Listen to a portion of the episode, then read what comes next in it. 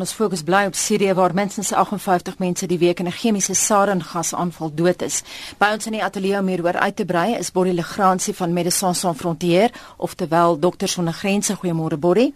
Moranita en môre vir die luisteraars. En dan praat ons ook met die internasionale regskenner professor Henny Strydom van die Universiteit van Johannesburg. Goeiemôre. Goeiemôre. Voordat ons by jou uitkom Henny, kom ons hoor by Body hoe sake vir veldwerkers daar uitsien. Uh Body chemiese wapens seker niks snaaks vir julle personeel nie of ook verstaan dit strek terug na so 2013 toe. Ja, ehm um, hoewel ons nou nie betrokke is by die uh mees onlangste ehm um, geval nie in 2013 in Augustus in Oos-Ghouta. So dis net buitekant Damascus, ehm um, was daar 'n uh, uh, chemiese aanval gewees, ehm um, wat uh, die mediese netwerke som wie ons ehm um, um, samspan in in Sirië het op daai dag uh, 3600 pasiënte ontvang waarvan 350 of so mense toe nou oorlede is weens die ehm um, simptome van 'n neurotoksiese ehm um, vergiftiging. Ehm um, so dit is dis iets wat destyds gebeur het um, in 2015 in Aleppo gouvernaat um, in 'n plek genaamd Azaz het ons vier pasiënte behandel wat ehm um, wat ook uh, vergif is. En uh ek dink dit ons moet dit sien in die groter konteks en ek dink Dr. Jabur het ook die die punt daar daar gemaak dat uh um, gesondheidsfasiliteite is is vandag geteken in Sirië, ook in Jemen. Maar as ons net kyk na 2016 uh, in uh, in Sirië itself was daar 71 aanvalle op 32 mediese fasiliteite wat uh dokters sonder grense ondersteun. So die mees onlangste een van hierdie was was in Februarie gewees. So dis nie asof die hierdie verskynsel um, in enige manier verminder oor die oor die tyd nie. Dit word net 'n nuwe normaal en ek dink dit is eintlik wat wat Dr. Jabur ook uh, uh, uitbrei is dat dit is absoluut onaanvaarbaar. Kom ons kyk na wat sê in terme van internasionale wetgewing. Daar moet tog wetgewing teen die gebruik van chemiese gasse wees. Ja, ek meen dis een van die aangeleenthede wat uh, vir 'n lang tyd al by wyse van multilaterale konvensies uh, verbân is uh en ook die beskerming van van mediese personeel. Uh die resolusies waarna verwys word, uh maak spesifiek melding van humanitêre reg. En in terme van die Geneefse konvensies het ons uh baie duidelike norme en wat uh beskerming verleen. Maar ons sit hier met 'n toepassingsprobleem. Om uh konvensies van daardie aard as ook enige ander ehm um, materiaal uh, regsmateriaal toe te pas uh moet jy die meganismes daarvoor hê en dit moet in omstandighede plaasvind wat dit moontlik maak.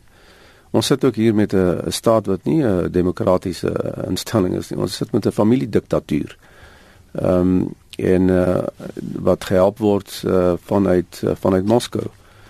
So uh, dit is waar die eintlike probleem lê. Die regsbeginsels, die regsnorme is daar. Dis 'n hmm. toepassingsprobleem waarmee ons sit. En dis presies wat Dr. Jabour nou vanuit Libanon gesê het. Hy sê daar's meer as een VN resolusie wat jy is gemik is daarop om mediese lewens te beskerm. Dis korrek. Uh, ons het oor die afgelope paar jaar uh, en ek dink dit is 'n baie goeie ding dat op daardie vlak uh, hierdie inligting uh, bekend gemaak word en dat dit versprei word en dat daar 'n soort van 'n bewusmaking proses kom. Uh maar terselfdertyd wanneer die veiligheidsraad hierdie tipe van resolusies uh 'n soort van uh uitstuur, ehm um, is daar ook op die dieselfde veiligheidsraad die verpligting om toe te sien dat iets gedoen word aan die situasie en dat dit nie so kan voortduur nie.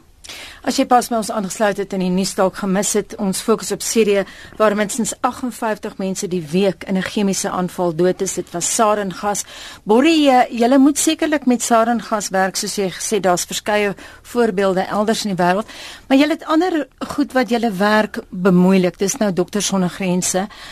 Byvoorbeeld, julle werk kan in die wiele gery word deur strydende faksies. Daar was 'n media verklaring hieroor onlangs deur Médecins Sans Frontières. Byvoorbeeld, julle ervaring in Mali waar julle werkers eenvoudig verhoed word om hulle werk te doen. Ja, ek dink dit is 'n algemene feit wat um, as jy in die militêre wêreld ehm um, aktief is, dan besef jy diep dat jy kan net soveel doen soos wat jy toegang het tot mense wat kwesbaar is en die manier hoe jy daai toegang verkry is nie uh, net binne jou eie wil nie.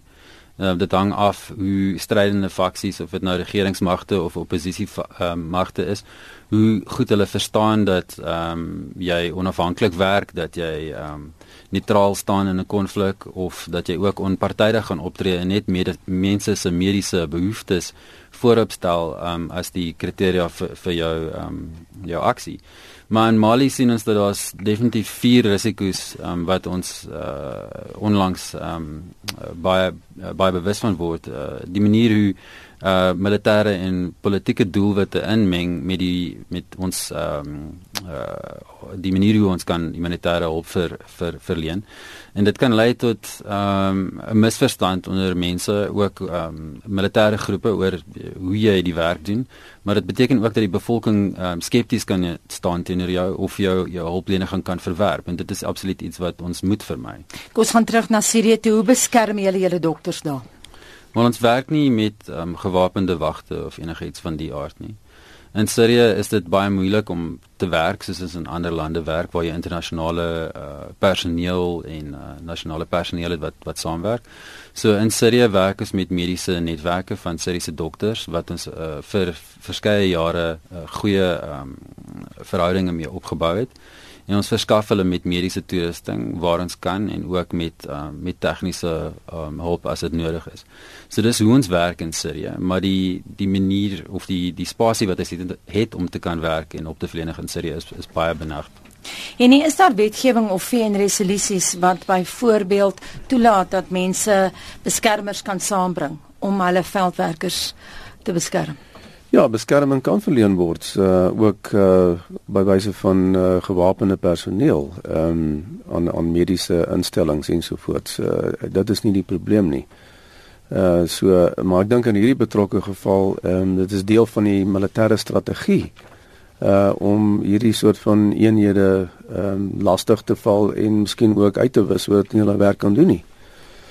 En dit is eintlik die een van die groot probleme wat ons in Sirië sien, ehm uh, veral in Borie het vermeld nou, van die uh, soort van uh, burgerlike instellings wat laaste tyd uh, vernietig is in aanvalle ensovoorts. En dit is 'n uiters kommenwerk uh, kommenwekkende uh, ontwikkeling wat ons sien. Die, respek vir burgerlike instellings uh, het uh, is 'n harde slag toegedien in in hierdie in hierdie konflik.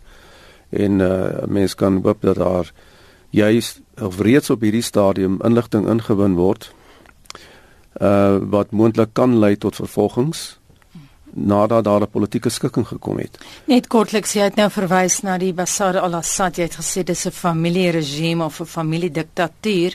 Nou, daar is ook in die onderhoud met Dr. Jabour verwys na die drakoniese wetgewing wat medisy eintlik in Sirië straf, wat byvoorbeeld nou die rebelle medies sal bystaan. Hulle mag dit nie doen nie. Jy kan tronk toe gaan as jy dit doen. Ek gaan nou vir Body vra sy reaksie daarop. Maar weer eens in terme van internasionale wetgewing, jy kan mos nie hierdie goed doen nie. Nee, ek meen die besluitneming wat gemaak word in 'n in 'n wapende konflik situasie deur mediese personeel daai besluite word gelei deur mediese redes.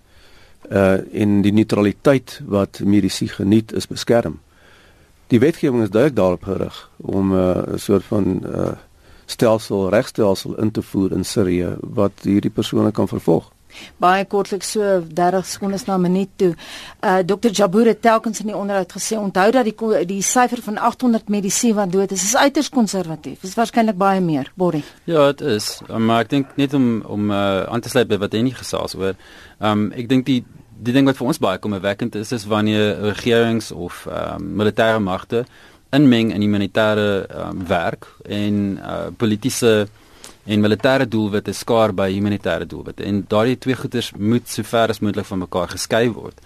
Ehm um, ons praat nou oor hoe daar wetgewing van Sirië is wat ehm um, dit kriminaliseer om hulp aan te bied aan mense wie in oppositie magte is en beseer is. Maar dit is nie asof dit nie is nie. Dit is nie asof die Amerikaanse regering nie soortgelyke wetgewing ehm um, het in hulle wet uh, in hulle ehm um, ekskuus in hulle oorlog teen uh, terreur wêreldwyd nie. Mm. So hoe meer mense omtrent hierdie ehm um, gevalle begin gesels en hoe meer mense begin besef dat om vir medisy voor te skryf wie hulle kan behandel en wie nie en hulle te kriminaliseer is onaanvaarbaar. Nee, die man wat so sê is Borie Legrand sê hy is van Dokters sonder Grense en ons het ook vanoggend gesels met professor Henny Strydom van die Universiteit van Johannesburg. Hy's 'n internasionale regskenner meneer baie dankie.